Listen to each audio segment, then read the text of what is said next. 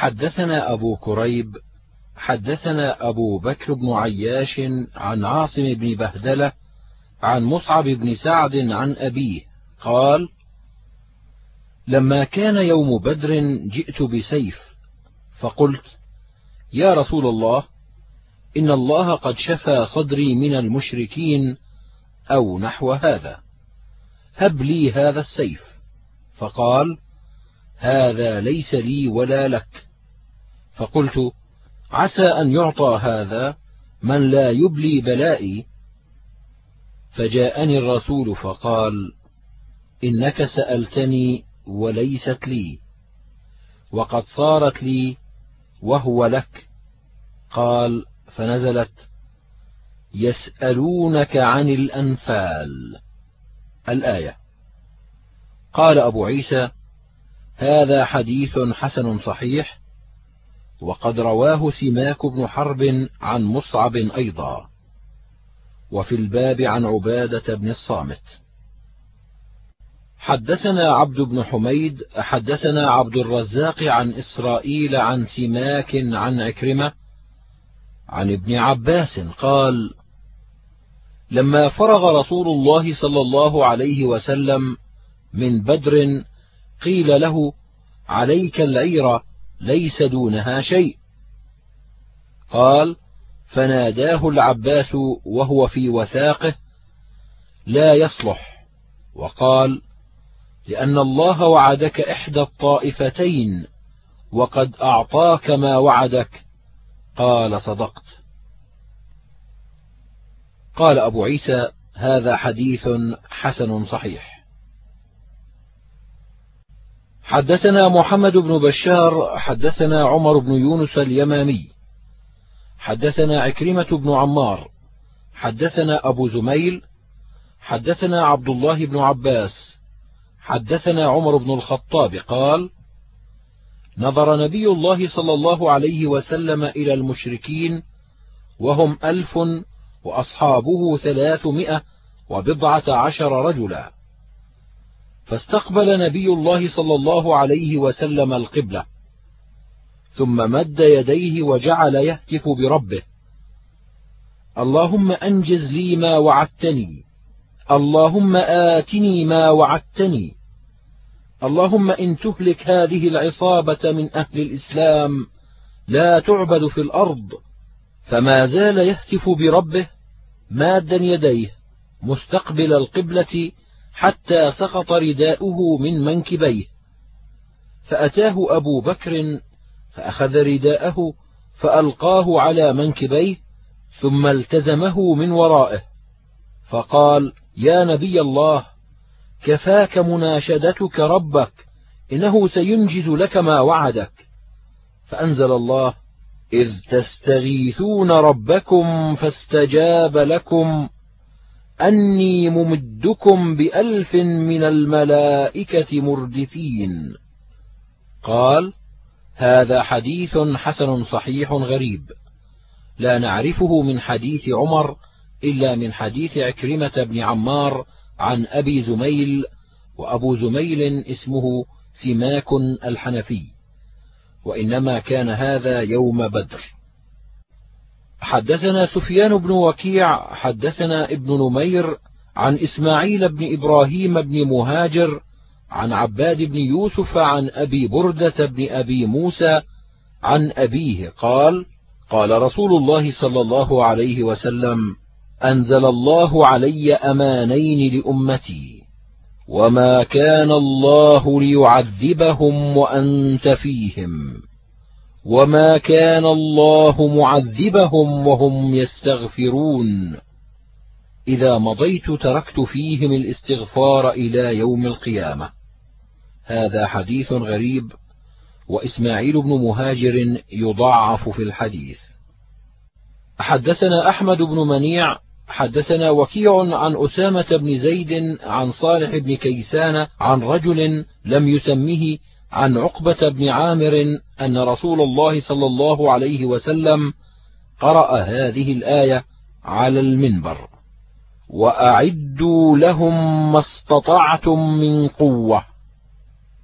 قال ألا إن القوة الرمي ثلاث مرات. ألا إن الله سيفتح لكم الأرض وستكفون المؤنة فلا يعجزن أحدكم أن يلهو بأسهمه. قال أبو عيسى وقد روى بعضهم هذا الحديث عن أسامة بن زيد عن صالح بن كيسان. رواه أبو أسامة وغير واحد عن عقبة بن عامر. وحديث وكيع أصح. وصالح بن كيسان لم يدرك عقبة بن عامر وقد أدرك ابن عمر. حدثنا هناد حدثنا أبو معاوية عن الأعمش عن عمرو بن مرة عن أبي عبيدة بن عبد الله عن عبد الله بن مسعود قال لما كان يوم بدر وجيء بالأسارى قال لرسول الله صلى الله عليه وسلم ما تقولون في هؤلاء الأسارى؟ فذكر في الحديث قصة فقال رسول الله صلى الله عليه وسلم لا ينفلتن منهم أحد إلا بفداء أو ضرب عنق. قال عبد الله بن مسعود فقلت يا رسول الله إلا سهيل بن بيضاء فإني قد سمعته يذكر الإسلام. قال فسكت رسول الله صلى الله عليه وسلم. قال فما رأيتني في يوم أخوف أن تقع علي حجارة من السماء مني في ذلك اليوم. قال حتى قال رسول الله صلى الله عليه وسلم إلا سهيل بن بيضاء. قال ونزل القرآن بقول عمر. ما كان لنبي أن يكون له أسرى حتى يثخن في الأرض إلى آخر الآيات. قال أبو عيسى هذا حديث حسن وأبو عبيدة لم يسمع من أبيه. حدثنا عبد بن حميد أخبرني معاوية بن عمرو عن زائدة عن الأعمش عن أبي صالح عن أبي هريرة عن النبي صلى الله عليه وسلم قال لم تحل الغنائم لأحد سود الرؤوس من قبلكم كانت تنزل نار من السماء فتأكلها. قال سليمان الأعمش فمن يقول هذا إلا أبو هريرة الآن. فلما كان يوم بدر وقعوا في الغنائم قبل أن تحل لهم. فأنزل الله تعالى لولا كتاب من الله سبق لمسكم فيما أخذتم عذاب عظيم. قال أبو عيسى هذا حديث حسن صحيح غريب من حديث الأعمش. حدثنا محمد بن بشار حدثنا يحيى بن سعيد ومحمد بن جعفر وابن أبي عدي وسهل بن يوسف قالوا حدثنا عوف بن أبي جميلة حدثنا يزيد الفارسي. حدثنا ابن عباس قال قلت لعثمان بن عفان ما حملكم أن عمدتم إلى الأنفال وهي من المثاني. وإلى براءة وهي من المئين فقرنتم بينهما ولم تكتبوا بينهما سطر بسم الله الرحمن الرحيم ووضعتموها في السبع الطول. ما حملكم على ذلك؟ فقال عثمان كان رسول الله صلى الله عليه وسلم مما يأتي عليه الزمان وهو تنزل عليه السور ذوات العدد. فكان إذا نزل عليه الشيء دعا بعض من كان يكتب فيقول ضعوا هؤلاء الآيات في السورة التي يذكر فيها كذا وكذا. وإذا نزلت عليه الآية فيقول ضعوا هذه الآية في السورة التي يذكر فيها كذا وكذا. وكانت الأنفال من أوائل ما أنزلت بالمدينة وكانت براءة من آخر القرآن وكانت قصتها شبيهة بقصتها فظننت أنها منها فقبض رسول الله صلى الله عليه وسلم ولم يبين لنا أنها منها.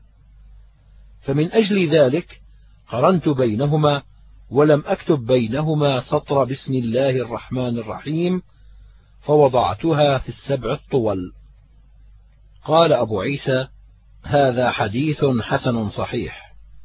لا نعرفه إلا من حديث عوف عن يزيد الفارسي عن ابن عباس ويزيد الفارسي قد روى عن ابن عباس غير حديث ويقال هو يزيد بن هرمز ويزيد الرقاشي. هو يزيد بن أبان الرقاشي ولم يدرك ابن عباس إنما روى عن أنس بن مالك وكلاهما من أهل البصرة ويزيد الفارسي أقدم من يزيد الرقاشي. حدثنا الحسن بن علي الخلال حدثنا حسين بن علي الجعفي عن زائدة عن شبيب بن غرقدة عن سليمان بن عمرو بن الأحوص. حدثنا أبي أنه شهد حجة الوداع مع رسول الله صلى الله عليه وسلم فحمد الله وأثنى عليه وذكر ووعظ ثم قال أي يوم أحرم؟ أي يوم أحرم؟ أي يوم أحرم؟ قال فقال الناس يوم الحج الأكبر يا رسول الله. قال فإن دماءكم وأموالكم وأعراضكم عليكم حرام كحرمة يومكم هذا في بلدكم هذا في شهركم هذا. ألا لا يجني جان إلا على نفسه ولا يجني والد على ولده ولا ولد على والده. ألا إن المسلم أخو المسلم فليس يحل لمسلم من أخيه شيء إلا ما أحل من نفسه. ألا وإن كل ربا في الجاهلية موضوع لكم رؤوس أموالكم. لا تظلمون ولا تظلمون. غير ربا العباس بن عبد المطلب فإنه موضوع كله. ألا وإن كل دم كان في الجاهلية موضوع. وأول دم وضع من دماء الجاهلية دم الحارث بن عبد المطلب. كان مسترضعا في بني ليث فقتلته هذيل. ألا واستوصوا بالنساء خيرا فإنما هن عوان عندكم ليس تملكون منهن شيئا غير ذلك إلا أن يأتين بفاحشة مبينة فإن فعلن فاهجروهن في المضاجع واضربوهن ضربا غير مبرح فإن أطعنكم فلا تبغوا عليهن سبيلا. ألا إن لكم على نسائكم حقا ولنسائكم عليكم حقا. فأما حقكم على نسائكم فلا يوطئن فرشكم من تكرهون ولا يأذن في بيوتكم من تكرهون. ألا وإن حقهن عليكم أن تحسنوا إليهن في كسوتهن وطعامهن. قال أبو عيسى هذا حديث حسن صحيح. وقد رواه أبو الأحوص عن شبيب بن غرقدة. حدثنا عبد الوارث بن عبد الصمد بن عبد الوارث. حدثنا أبي عن أبيه عن محمد بن إسحاق. عن أبي إسحاق عن الحارث عن علي قال سألت رسول الله صلى الله عليه وسلم عن يوم الحج الأكبر فقال يوم النحر. حدثنا ابن أبي عمر حدثنا سفيان عن أبي إسحاق عن الحارث عن علي قال يوم الحج الأكبر يوم النحر. قال هذا الحديث أصح من حديث محمد بن إسحاق لأنه روي من غير وجه هذا الحديث عن أبي إسحاق عن الحارث عن علي موقوفا. ولا نعلم أحدا رفعه إلا ما روي عن محمد بن إسحاق. وقد روى شعبة هذا الحديث عن أبي إسحاق عن عبد الله بن مرة عن الحارث عن علي موقوفا. حدثنا محمد بن بشار حدثنا عفان بن مسلم وعبد الصمد بن عبد الوارث. قالا حدثنا حماد بن سلمة عن سماك بن حرب عن أنس بن مالك قال بعث النبي صلى الله عليه وسلم ببراءة مع أبي بكر ثم دعاه فقال لا ينبغي لأحد أن يبلغ هذا إلا رجل من أهلي فدعا عليا فأعطاه إياه. قال هذا حديث حسن غريب من حديث أنس بن مالك. حدثنا محمد بن إسماعيل حدثنا سعيد بن سليمان حدثنا عباد بن العوام حدثنا سفيان بن حسين عن الحكم بن عتيبة عن مقسم عن ابن عباس قال: بعث النبي صلى الله عليه وسلم أبا بكر وأمره أن ينادي بهؤلاء الكلمات ثم أتبعه عليا، فبين أبو بكر في بعض الطريق إذ سمع رغاء ناقة رسول الله صلى الله عليه وسلم القصواء. فخرج أبو بكر فزعا فظن أنه رسول الله صلى الله عليه وسلم. فإذا هو علي فدفع إليه كتاب رسول الله صلى الله عليه وسلم وأمر عليا أن ينادي بهؤلاء الكلمات فانطلقا. فحجا فقام علي أيام التشريق فنادى ذمة الله ورسوله بريئة من كل مشرك فسيحوا في الأرض أربعة أشهر ولا يحجن بعد العام مشرك ولا يطوفن بالبيت عريان ولا يدخل الجنة إلا مؤمن. وكان علي ينادي فإذا عي قام أبو بكر فنادى بها. قال أبو عيسى وهذا حديث حسن غريب من هذا الوجه من حديث ابن عباس. حدثنا ابن أبي عمر حدثنا سفيان عن أبي إسحاق عن زيد بن يثيع قال سألنا عليا بأي شيء بعثت في الحجة. قال بعثت بأربع. ألا يطوف بالبيت عريان ومن كان بينه وبين النبي صلى الله عليه وسلم عهد فهو إلى مدته. ومن لم يكن له عهد فأجله أربعة أشهر. ولا يدخل الجنة إلا نفس مؤمنة. ولا يجتمع المشركون والمسلمون بعد عامهم هذا. قال أبو عيسى هذا حديث حسن وهو حديث سفيان بن عيينة عن أبي إسحاق. ورواه الثوري عن أبي إسحاق عن بعض أصحابه عن علي وفي الباب عن أبي هريرة. حدثنا نصر بن علي وغير واحد قالوا حدثنا سفيان بن عيينة عن أبي إسحاق عن زيد بن يثيع عن علي نحوه حدثنا علي بن خشرم حدثنا سفيان بن عيينة عن أبي إسحاق عن زيد بن أثيع عن علي نحوه. قال أبو عيسى وقد روي عن ابن عيينة كلتا الروايتين. يقال عنه عن ابن أثيع وعن ابن يثيع والصحيح هو زيد بن أثيع.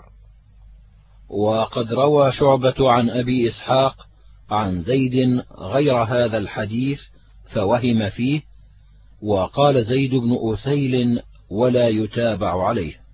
حدثنا أبو كريب حدثنا رشدين بن سعد عن عمرو بن الحارث عن دراج عن أبي الهيثم عن أبي سعيد قال قال رسول الله صلى الله عليه وسلم إذا رأيتم الرجل يعتاد المسجد فاشهدوا له بالإيمان.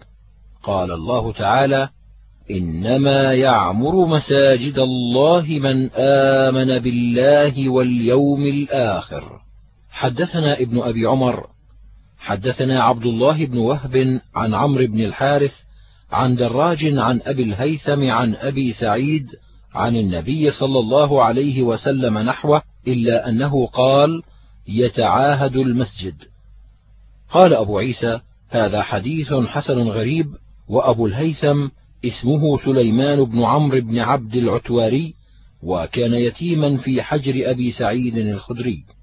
حدثنا عبد بن حميد حدثنا عبيد الله بن موسى عن إسرائيل عن منصور عن سالم بن أبي الجعد عن ثوبان قال لما نزلت الذين يكنزون الذهب والفضة قال كنا مع النبي صلى الله عليه وسلم في بعض أسفاره فقال بعض أصحابه أنزل في الذهب والفضة ما أنزل لو علمنا أي المال خير فنتخذه. فقال أفضله لسان ذاكر وقلب شاكر وزوجة مؤمنة تعينه على إيمانه. قال هذا حديث حسن. سألت محمد بن إسماعيل فقلت له سالم بن أبي الجعد سمع من ثوبان؟ فقال لا. فقلت له ممن سمع من أصحاب النبي صلى الله عليه وسلم؟ قال سمع من جابر بن عبد الله وأنس بن مالك. وذكر غير واحد من أصحاب النبي صلى الله عليه وسلم. حدثنا الحسين بن يزيد الكوفي حدثنا عبد السلام بن حرب عن غطيف بن أعين عن مصعب بن سعد عن عدي بن حاتم قال أتيت النبي صلى الله عليه وسلم وفي عنقي صليب من ذهب. فقال يا عدي اطرح عنك هذا الوثن. وسمعته يقرأ في سورة براءة اتخذوا أحبارهم ورهبانهم أربابا من دون الله. قال أما إنهم لم يكونوا يعبدونهم ولكنهم كانوا إذا أحلوا لهم شيئا استحلوه وإذا حرموا عليهم شيئا حرموه. قال أبو عيسى هذا حديث غريب. لا نعرفه إلا من حديث عبد السلام بن حرب وغطيف بن أعين ليس بمعروف في الحديث. حدثنا زياد بن أيوب البغدادي حدثنا عفان بن مسلم حدثنا همام حدثنا ثابت عن أنس أن أبا بكر حدثه قال قلت للنبي صلى الله عليه وسلم ونحن في الغار لو أن أحدهم ينظر إلى قدميه لأبصرنا تحت قدميه. فقال يا أبا بكر ما ظنك باثنين الله ثالثهما؟ قال هذا حديث حسن صحيح غريب إنما يعرف من حديث همام تفرد به. وقد روى هذا الحديث حبان بن هلال وغير واحد عن همام نحو هذا. حدثنا عبد بن حميد حدثنا يعقوب بن إبراهيم بن سعد عن أبيه عن محمد بن إسحاق عن الزهري عن عبيد الله بن عبد الله بن عتبة عن ابن عباس قال سمعت عمر بن الخطاب يقول لما توفي عبد الله بن أبي دعي رسول الله صلى الله عليه وسلم للصلاة عليه فقام إليه. فلما وقف عليه يريد الصلاة تحولت حتى قمت في صدره. فقلت يا رسول الله أعلى عدو الله عبد الله بن أبي القائل يوم كذا كذا وكذا؟ يعد أيامه. قال ورسول الله صلى الله عليه وسلم يتبسم حتى إذا أكثرت عليه. قال أخر عني يا عمر إني خيرت فاخترت. قد قيل لي استغفر لهم أو لا تستغفر لهم إن تستغفر لهم سبعين مرة فلن يغفر الله لهم. لو أعلم أني لو زدت على السبعين غفر له لزدت. قال ثم صلى عليه ومشى معه فقام على قبره حتى فرغ منه. قال فعجب لي وجرأتي على رسول الله صلى الله عليه وسلم. والله ورسوله أعلم. فوالله ما كان إلا يسيرا حتى نزلت هاتان الآيتان. ولا تصل على أحد منهم مات أبدا. ولا تقم على قبره. إلى آخر الآية. قال فما صلى رسول الله صلى الله عليه وسلم بعده على منافق ولا قام على قبره حتى قبضه الله. قال أبو عيسى هذا حديث حسن صحيح غريب. حدثنا محمد بن بشار حدثنا يحيى بن سعيد حدثنا عبيد الله أخبرنا نافع عن ابن عمر قال جاء عبد الله بن عبد الله بن أبي إلى النبي صلى الله عليه وسلم حين مات أبوه فقال أعطني قميصك أكفنه فيه وصل عليه واستغفر له. فأعطاه قميصه وقال إذا فرغتم فآذنوني. فلما أراد أن يصلي جذبه عمر وقال أليس قد نهى الله أن تصلي على المنافقين؟ فقال أنا بين خيرتين استغفر لهم أو لا تستغفر لهم فصلى عليه. فأنزل الله ولا تصل على أحد منهم مات أبدا ولا تقم على قبره. فترك الصلاة عليهم. قال أبو عيسى هذا حديث حسن صحيح. حدثنا قتيبة حدثنا الليث عن عمران بن أبي أنس عن عبد الرحمن بن أبي سعيد عن أبي سعيد الخدري أنه قال تمارى رجلان في المسجد الذي أسس على التقوى من أول يوم. فقال رجل هو مسجد قباء. وقال الآخر هو مسجد رسول الله صلى الله عليه وسلم. فقال رسول الله صلى الله عليه وسلم هو مسجدي هذا. قال أبو عيسى هذا حديث حسن صحيح غريب من حديث عمران بن أبي أنس وقد روي هذا عن أبي سعيد من غير هذا الوجه. ورواه أنيس بن أبي يحيى عن أبيه عن أبي سعيد رضي الله عنه. حدثنا محمد بن العلاء حدثنا أبو كريب حدثنا معاوية بن هشام. حدثنا يونس بن الحارث عن إبراهيم بن أبي ميمون عن أبي صالح عن أبي هريرة عن النبي صلى الله عليه وسلم قال نزلت هذه الآية في أهل قباء. فيه رجال يحبون أن يتطهروا والله يحب المطهرين. قال كانوا يستنجون بالماء فنزلت هذه الآية فيهم. قال هذا حديث غريب من هذا الوجه. قال وفي الباب عن أبي أيوب وأنس بن مالك ومحمد بن عبد الله بن سلام. حدثنا محمود بن غيلان حدثنا وكيع حدثنا سفيان عن أبي إسحاق عن أبي الخليل كوفي عن علي قال سمعت رجلا يستغفر لأبويه وهما مشركان. فقلت له أتستغفر لأبويك وهما مشركان؟ فقال أوليس استغفر إبراهيم لأبيه وهو مشرك؟ فذكرت ذلك للنبي صلى الله عليه وسلم. فنزلت ما كان للنبي والذين آمنوا أن يستغفروا للمشركين. قال أبو عيسى هذا حديث حسن.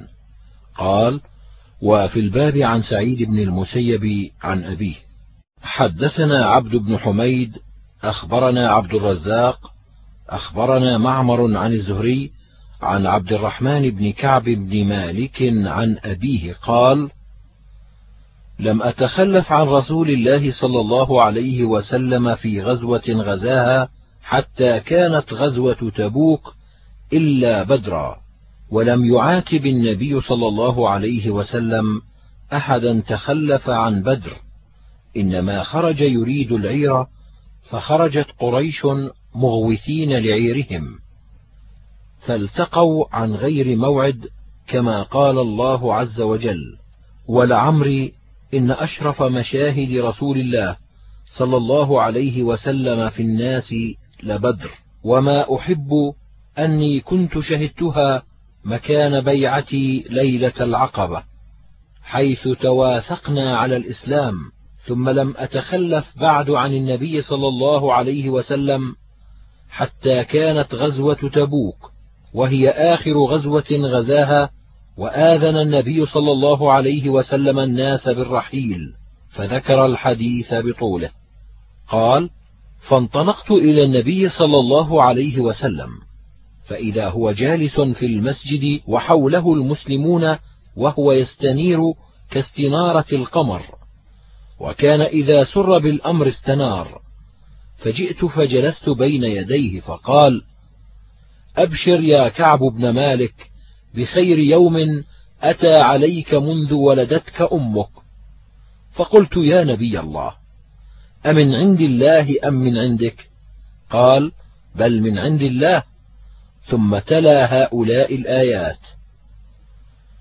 لقد تاب الله على النبي والمهاجرين والأنصار الذين اتبعوه في ساعة العسرة حتى بلغ ان الله هو التواب الرحيم.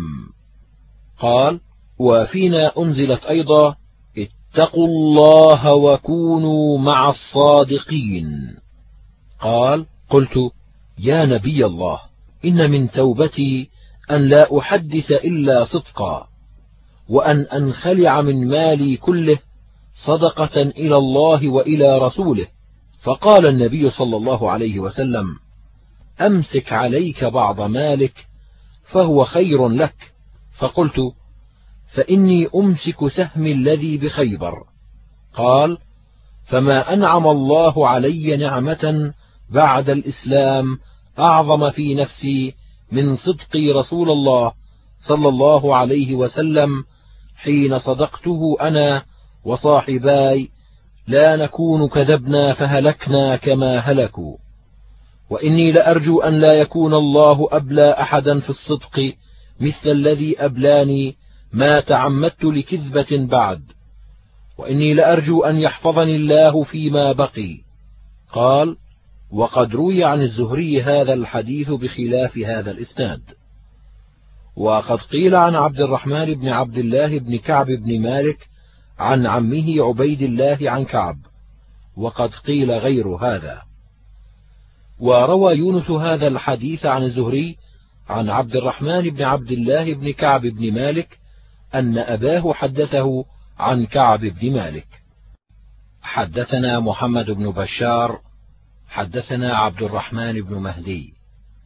حدثنا إبراهيم بن سعد عن الزهري عن عبيد بن السباق أن زيد بن ثابت حدثه قال بعث إلي أبو بكر الصديق مقتل أهل اليمامة فإذا عمر بن الخطاب عنده فقال إن عمر بن الخطاب قد أتاني فقال إن القتل قد استحر بقراء القرآن يوم اليمامة وإني لأخشى أن يستحر القتل بالقراء في المواطن كلها فيذهب قرآن كثير وإني أرى أن تأمر بجمع القرآن. قال أبو بكر لعمر كيف أفعل شيئا لم يفعله رسول الله صلى الله عليه وسلم؟ فقال عمر هو والله خير فلم يزل يراجعني في ذلك حتى شرح الله صدري للذي شرح صدر عمر. ورأيت فيه الذي رأى. قال زيد قال أبو بكر إنك شاب عاقل لا نتهمك. قد كنت تكتب لرسول الله صلى الله عليه وسلم الوحي فتتبع القرآن. قال فوالله لو كلفوني نقل جبل من الجبال ما كان أثقل علي من ذلك. قال قلت كيف تفعلون شيئا لم يفعله رسول الله صلى الله عليه وسلم؟ فقال أبو بكر هو والله خير فلم يزل يراجعني في ذلك أبو بكر وعمر حتى شرح الله صدري للذي شرح صدرهما صدر أبي بكر وعمر. فتتبعت القرآن أجمعه من الرقاع والعسب والنجاف ويروى النحاف وهو الصحيح. والنجاف ما ارتفع من الأرض. وصدور الرجال فوجدت آخر سورة براءة مع خزيمة بن ثابت. لقد جاءكم رسول من أنفسكم عزيز عليه ما عنتم حريص عليكم بالمؤمنين رؤوف رحيم. فإن تولوا فقل حسبي الله لا إله إلا هو عليه توكلت وهو رب العرش العظيم. قال أبو عيسى هذا حديث حسن صحيح. حدثنا محمد بن بشار حدثنا عبد الرحمن بن مهدي. حدثنا إبراهيم بن سعد عن الزهري عن أنس أن حذيفة قدم على عثمان بن عفان وكان يغازي أهل الشام في فتح إرمينية وأذربيجان مع أهل العراق فرأى حذيفة اختلافهم في القرآن فقال لعثمان بن عفان يا أمير المؤمنين أدرك هذه الأمة قبل أن يختلفوا في الكتاب كما اختلفت اليهود والنصارى. فأرسل إلى حفصة أن ارسلي إلينا بالصحف ننسخها في المصاحف ثم نردها إليك. فأرسلت حفصة إلى عثمان بالصحف فأرسل عثمان إلى زيد بن ثابت وسعيد بن العاص وعبد الرحمن بن الحارث بن هشام وعبد الله بن الزبير أن انسخوا الصحف في المصاحف وقال للرهط القرشيين الثلاثة ما اختلفتم أنتم وزيد بن ثابت فاكتبوه بلسان قريش فإنما نزل بلسانهم حتى نسخوا الصحف في المصاحف بعث عثمان إلى كل أفق بمصحف من تلك المصاحف التي نسخوا. قال الزهري وحدثني خارجة بن زيد بن ثابت أن زيد بن ثابت قال فقدت آية من سورة الأحزاب كنت أسمع رسول الله صلى الله عليه وسلم يقرأها. من المؤمنين رجال صدقوا ما عاهدوا الله عليه فمنهم من قضى نحبه. فالتمستها فوجدتها مع خزيمة بن ثابت أو أبي خزيمة فألحقتها في سورتها قال الزهري فاختلفوا يومئذ في التابوت والتابوه فقال القرشيون التابوت. وقال زيد التابوه. فرفع اختلافهم إلى عثمان فقال اكتبوه التابوت فإنه نزل بلسان قريش.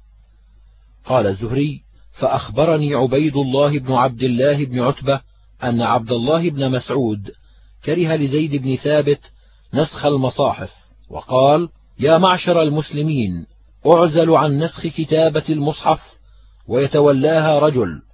والله لقد أسلمت وإنه لفي صلب رجل كافر يريد زيد بن ثابت. ولذلك قال عبد الله بن مسعود يا أهل العراق اكتموا المصاحف التي عندكم وغلوها فإن الله يقول ومن يغلل يأت بما غل يوم القيامة. فالقوا الله بالمصاحف. قال الزهري فبلغني أن ذلك كرهه من مقالة ابن مسعود رجال من أفاضل أصحاب النبي صلى الله عليه وسلم. قال هذا حديث حسن صحيح. وهو حديث الزهري لا نعرفه إلا من حديثه. بسم الله الرحمن الرحيم. حدثنا محمد بن بشار حدثنا عبد الرحمن بن مهدي حدثنا حماد بن سلمة عن ثابت البناني عن عبد الرحمن بن أبي ليلى عن صهيب عن النبي صلى الله عليه وسلم في قول الله عز وجل للذين أحسنوا الحسنى وزيادة. قال إذا دخل أهل الجنة الجنة نادى مناد إن لكم عند الله موعدا يريد أن ينجزكموه. قالوا ألم تبيض وجوهنا وتنجنا من النار وتدخلنا الجنة؟ قال فيكشف الحجاب.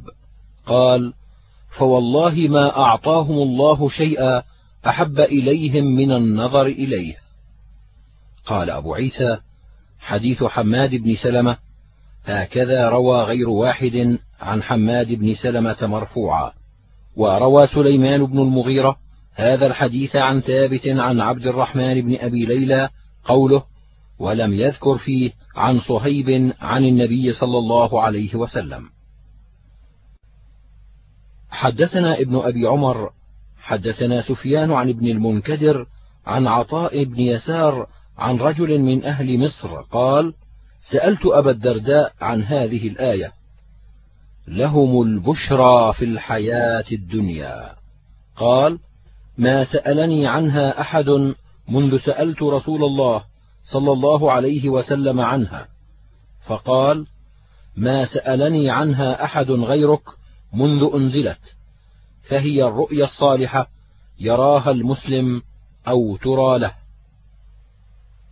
حدثنا ابن أبي عمر حدثنا سفيان عن عبد العزيز بن رفيع عن أبي صالح السمان عن عطاء بن يسار عن رجل من أهل مصر عن أبي الدرداء فذكر نحوه.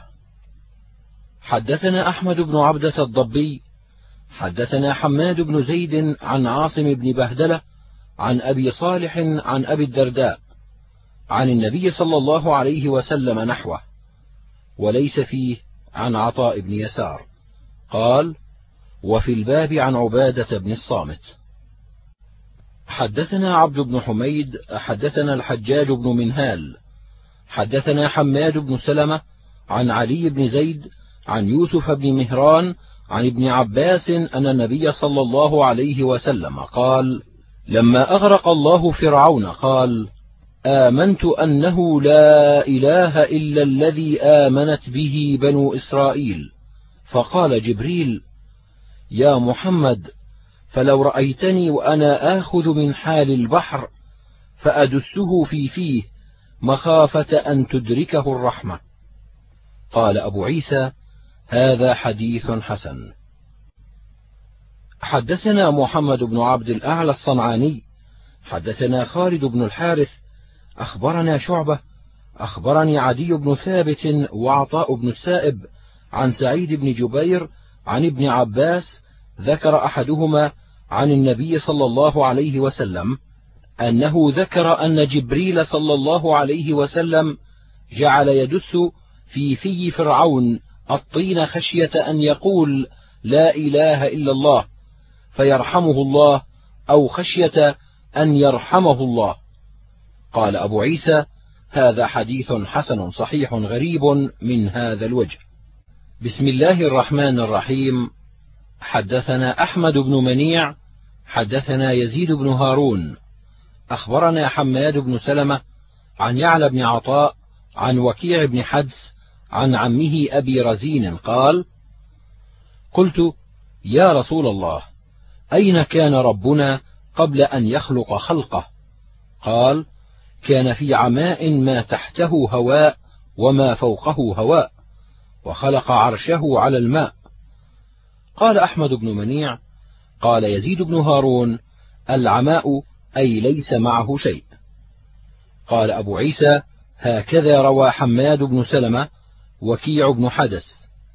ويقول شعبة وأبو عوانة وهشيم وكيع بن عدس وهو أصح وأبو رزين اسمه لقيط بن عامر قال وهذا حديث حسن.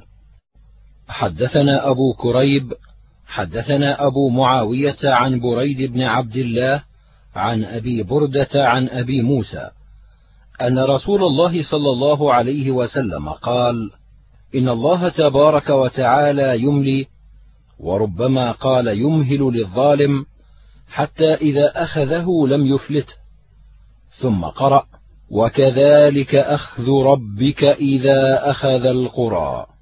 الآية. قال أبو عيسى هذا حديث حسن صحيح غريب وقد رواه أبو أسامة عن بريد نحوه وقال يملي. حدثنا إبراهيم بن سعيد الجوهري عن أبي أسامة عن بريد بن عبد الله بن أبي بردة عن جده أبي بردة عن أبي موسى. عن النبي صلى الله عليه وسلم نحوه وقال يملي ولم يشك فيه. حدثنا بندار حدثنا أبو عامر العقدي حدثنا سليمان بن سفيان عن عبد الله بن دينار عن ابن عمر عن عمر بن الخطاب قال لما نزلت هذه الآية فمنهم شقي وسعيد. سألت رسول الله صلى الله عليه وسلم فقلت يا نبي الله فعلى ما نعمل؟ على شيء قد فرغ منه أو على شيء لم يفرغ منه؟ قال بل على شيء قد فرغ منه وجرت به الأقلام يا عمر ولكن كل ميسر لما خلق له. هذا حديث حسن غريب من هذا الوجه لا نعرفه إلا من حديث عبد الله بن عمر. حدثنا قتيبة حدثنا أبو الأحوص عن سماك بن حرب عن إبراهيم عن علقمة والأسود عن عبد الله قال جاء رجل إلى النبي صلى الله عليه وسلم فقال إني عالجت امرأة في أقصى المدينة وإني أصبت منها ما دون أن أمسها. وأنا هذا فاقض في ما شئت. فقال له عمر لقد سترك الله لو سترت على نفسك فلم يرد عليه رسول الله صلى الله عليه وسلم شيئا. فانطلق الرجل فأتبعه رسول الله صلى الله عليه وسلم رجلا فدعاه فتلا عليه. أقم الصلاة طرفي النهار وزلفا من الليل إن الحسنات يذهبن السيئات ذلك ذكرى للذاكرين. إلى آخر الآية. فقال رجل من القوم هذا له خاصة؟ قال لا بل للناس كافة. قال أبو عيسى هذا حديث حسن صحيح. وهكذا روى إسرائيل عن سماك عن إبراهيم عن علقمة والأسود عن عبد الله عن النبي صلى الله عليه وسلم نحوه. وروى سفيان الثوري عن سماك عن إبراهيم عن عبد الرحمن بن يزيد عن عبد الله عن النبي صلى الله عليه وسلم مثله. ورواية هؤلاء أصح من رواية الثوري. وروى شعبة عن سماك بن حرب عن إبراهيم عن الأسود عن عبد الله عن النبي صلى الله عليه وسلم نحوه. حدثنا محمد بن يحيى النيسابوري. حدثنا محمد بن يوسف عن سفيان عن الأعمش وسماك عن إبراهيم عن عبد الرحمن بن يزيد عن عبد الله عن النبي صلى الله عليه وسلم نحوه بمعناه. حدثنا محمود بن غيلان حدثنا الفضل بن موسى عن سفيان عن سماك عن إبراهيم عن عبد الرحمن بن يزيد عن عبد الله بن مسعود عن النبي صلى الله عليه وسلم نحوه بمعناه ولم يذكر فيه الأعمش وقد روى سليمان التيمي هذا الحديث عن أبي عثمان النهدي عن ابن مسعود عن النبي صلى الله عليه وسلم. حدثنا عبد بن حميد حدثنا حسين الجعفي عن زائدة عن عبد الملك بن عمير عن عبد الرحمن بن أبي ليلى عن معاذ قال أتى النبي صلى الله عليه وسلم رجل فقال يا رسول الله أرأيت رجلا لقي امرأة وليس بينهما معرفة فليس يأتي الرجل شيئا إلى امرأته إلا قد أتى هو إليها إلا أنه لم يجامعها.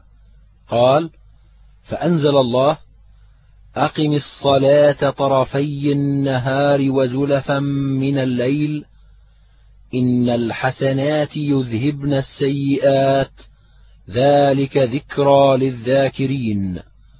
فأمره أن يتوضأ ويصلي. قال معاذ فقلت يا رسول الله أهي له خاصة أم للمؤمنين عامة؟ قال بل للمؤمنين عامة.